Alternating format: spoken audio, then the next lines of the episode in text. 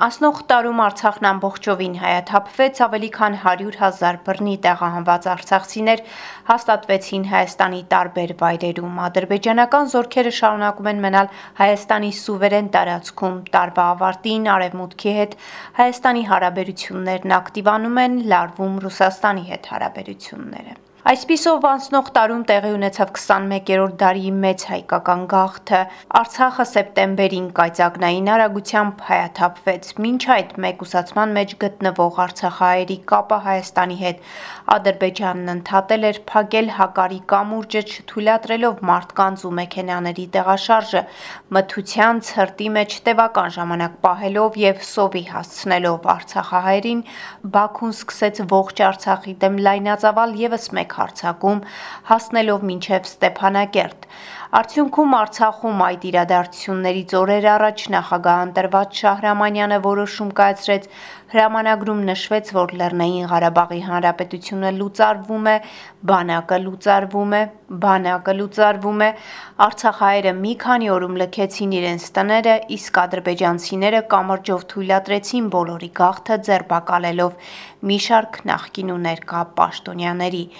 Շահրամանյանը այնուհետև ուղաթիռով հնարավորություն ունեցավ հասնել Հայաստան հարցազրույցներից մեկում պարզաբանեց. Հակառակորդը մոտեցել էր Ստեփանակերտին եւ գտնվում էր կրկժան կոչվող տեղամասին շատ մոտ եւ իրենց հատուկ նշանակության ստորաբաժանումները եւ իրենց զինտեխնիկան եւ այդ իրավիճակում այլ բան քան գնալ որոշակի զիջումների մեզ չեր մնում եւ ես առաջարկել եմ իրեն գրավոր ուղարկեն իրենց պահանջները ռազմական գործողությունները անհապաղ դադարեցնելու համար եւ բանակցությունների արդյունքում մենք ընդունել ենք մի փաստաթուղթ եւ համաձայնել ենք մի փաստաթղթի շուրջ,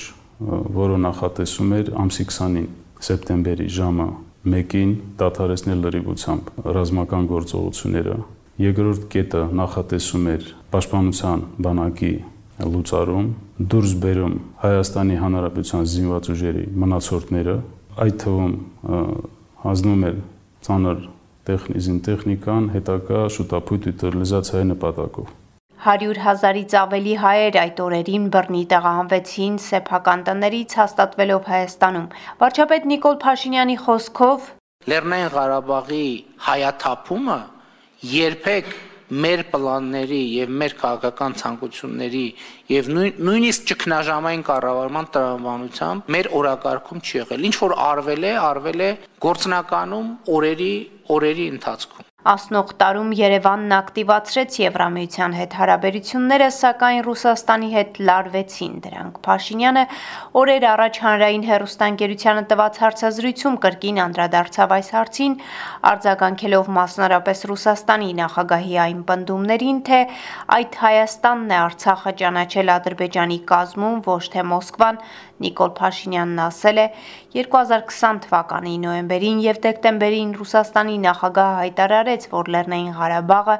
Ադրբեջանի մաս է, այդ հայտարարությունները հրաապարակային են։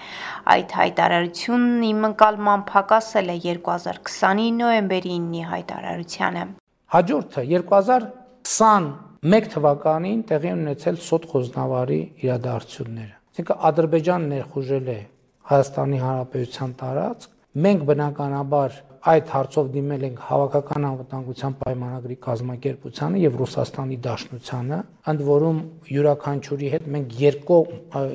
հապկի հետ առանձին է, առանձին առանձին Ռուսաստանի հետ ունենք այլ պայմանա իրավապայմանագրային բազա։ Տեղի ունեցել 0 արձագանք։ 0 արձագանք հապկից եւ 0 արձագանք Ռուսաստանից։ Ընդ որում այն ժամանակ էլ մեր ընդդիմությունը էլ ինչեր էր ասում։ Լավ չեք դիմել այս հոդվածի փոխարեն, դիմել են այն ուրիշ հոդվածով, դրա համար էլ ռեակցիա չի եղել։ Եվ կար ուրիշ մեղադրանք, որ Հայաստանի բանակը չի կռվեն, չի պետք է հապկը կռվեն։ Դրանից հետո տեղի ունեցան 2021 թվականի նոյեմբերի իրադարձությունները Այդ ժամանակ Հայաստանի բանակը կռվեց։ Էլի 0 արձագանք հապկի կողմից եւ Ռուսաստանի կողմից։ Փաշինյանը անդրադառնալով Ռուսաստանի արտգործնախարարության հայտարարությանը, թե 44-օրյա պատերազմից հետո նոյեմբերի 9-ի պայմանավորվածությունները հենց Հայաստանի պատճառով չեն կատարվել, նշել է. Ես Ռուսաստանի Դաշնության արտաքին գործերի նախարարությանը խորհուրդ կտամ վերցնել նոյեմբերի 9-ի երակոմ հայտարարությունը եւ կարդալ 8-րդ կետը ներառյալ։ Ասենք հələ 9-րդ կետը դնենք մի կողմ։ Հələ միջև 8-րդ կետը թող կարդալ։ Տեսնեն հələ ով ինչ պարտավորություն չի կատարել։ Այսինքն նոյեմբերի 9-ի երակոմ հայտարարության մեջ գրածա, որ Ադրբեջանը պետք է Լեռնային Ղարաբաղի վրա հարձակվի, այդ ընթացքում ռուս խաղապահները պետք է թաքստոցներում լինեն Վերջին նորություններ վարչապետ Նիկոլ Փաշինյանը երկորյա աշխատանքային այցով Ռուսաստանի Դաշնությունում է, վարչապետը մասնակցում է ԱՊՀ ոչ պաշտոնական գագաթնաժողովին։ Իդեպ Հայաստանում Ռուսաստանի դեսպան Սերգեյ Կոպիրկինը ռուսական 10 լրատվականին տված հարցազրույցում նշել է, թե ռազմատեխնիկական գործակցության ոլորտում Հայաստանն ու Ռուսաստանը նոր համաձայնագրեր են քննարկում։ Անցած շաբաթ Հայաստանում տեղի ունեցավ հայ-հունական եւ հայ-կիպրական երկկողմ, ինչպես նաեւ Հայաստան-Հունաստան-Կիպրոս երակողմ պաշտպանական խորհրդակցությունները, արդյունքում կողմերը ստորագրեցին Հայաստան-Հունաստան Հայաստան-Կիպրոս եւ Հայաստան-Հունաստան-Կիպրոս ռազմական համագործակցության 2024 թվականի ծրագրերը, որոնք ներառում են մի քանի տասնյակ միջոցառումներ, փոխադարձ հետաքրքրություն ներկայացնող ոլորտներում։ Եվրամիության արտաքին հարաբերությունների խորհուրդը որոշում է կայացրել ընդլայնել Հայաստանում Եվրոպական միության դիտորդական առաքելության ներուժը աշխատակիցների քանակը 138-ից հասցնելով 209-ի։ Առաքելության անձնակազմի ավելացումն ընդգծում է Եվրամիության հանձնառությունը տարածաշրջանում խաղաղությանն ու անվտանգությանը։ Առաքելությունն արդյունքում ավելի լավ կկարողանա դիտարկել եւ զեկուցել հայ-ադրբեջանական պետական սահմանի հայկական կողմի անվտանգության իրավիճակի մասին, ասել է Եվրոպական միության առաքելության ղեկավարը։ Առաքելությունը բարեկություն է իրականացնում Կապան, Գորիս, Ջերմուկ, Եղեգնաձոր, Մարտունի եւ Իջևան քաղաքներում տեղակայված 6 հենակետերից։ Ադրբեջանը չի ցանկանում վերջնականացնել խաղաղության պայմանագիրը, հայտարարել է Հայաստանի փոխարտգործնախարար Վահան Կոստանյանը։ Ադրբեջանի նախագահն արդեն մի քանի անգամ հրաժարվել է արևմուտքի աջակցությամբ իրականացվող հանդիպումներից եւ առաջարկել է Հայաստանի հետ երկխոսությունն անցկացնել Թբիլիսիում։ Հայաստանի ներքաղաքական դաշտում կրկին թեժ քննարկումների առիթ է դարձել Արցախի նախագահ Սամվել Շահրամանյանի վերջին հայտարարությունը հասարակական հիմունքներով աշխատող Արցախի պետական մարմինների ղեկավարների հետ հանդիպման ժամանակ նա հանձնարարել է շարունակել աշխատել եւ ույքագրել բռնի տեղանված Արցախահայերի խնդիրները։ Արցախի տեղեկատվական շտաբի տարածած հաղորդագրության համաձայն հանդիպման ժամանակ Շահրամանյանն ընդգծել է Արցախի հանրապետության իրավական դաշտում գոյություն չունի փաստ փաստաթուղթ, որով նախատեսվում է լուծարել պետական ինստիտուտները։ Սա նշանակում է, որ Արցախի պետականությունը լուծարված չէ, բայց Արցախը հայաթափված է կառավարական ինստիտուտները տեղափոխված Երևան։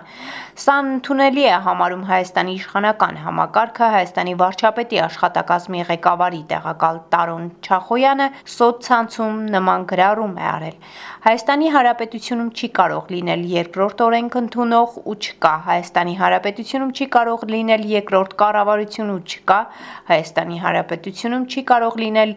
երկրորդ պետություն ու չկա։ Սփյուռք Շվեդիայի Սոդերտայլը քաղաքի Սուրբ Մարիամ հայարակելական եկեղեցին թալանվել է, թանկարժեք իրեր են գողացել, ոստիկանությունը հետաքննում է միջադեպը, հաղորդվում է, որ գողացված իրերը մեծ արժեք ունեն եւ եկեղեցու համար բարձր հոգեվոր արժեք։ Ֆրանսիայում քննարկվել են Արցախում հայկական մշակութային ժառանգության պահպանման հարցերը, Ֆրանսիա-Արցախ անխախտ բարեկամություն խորագրով բարեգործական համերգ է տեղի ունեցել Փարիզում։ Ներկաներն անդրադարձել են Լեռնային Ղարաբաղում տեղի ունեցած այդ էթնիկ զտման արդյունքում Արցախահայության բռնի տեղանությանը դրա հետևանքով ստեղծված իրավիճակին, ինչպես նաև Հայաստանի արչև ծառացած անվտանգային սպառնալիքներին։ Եվ վերջում Բեթխեհեմի քաղաքային իշխանություններն այս տարի չեղարկել են Սուրբ Ծննդյան բոլոր տոնակատարությունները, կրոնական առաջնորդները դեռևս նոյեմբերին որոշել էին այս տարի նվազագույնի հասցնել Սուրբ Ծննդյան տոնակատարությունները։ Տեղի իշխանությունների կարծիքով ոչ մի զբոսաշրջիկ չի կարողանա այցելել Բեթխեհեմ, քանի որ Հորդանան գետի արևմտյան ափը հոկտեմբերի 7-ից փաստացի մեկուսացված է։ Վրաստանի Ռուսթավի քաղաքում Վրաստանում Հայաստանի առաջին պատվո հյուպատոսի գրասենյակն է բացվել։ Իր խոսքում Հայաստանի դեսպան Աշոտ Սմբատյանը կարևորել է Վրաստանում Հայաստանի առաջին պատվո հյուպատոսի գրասենյակի բացումը, ընդգծելով դրա գործունեության նշանակությունը հատկապես Հայաստանի եւ Վրաստանի միջև տնտեսական կապերի ամրապնդման եւ միջհասարակական շփումների առավել ակտիվացման տեսանկյունից։ Այսքանը այս տարեվերջյան ամփոփիչ հաղորդման համար պատրաստեց Գիտա Իլբեկյանը, շնորհավոր ամանոր եւ Սուրբ Ծնունդ։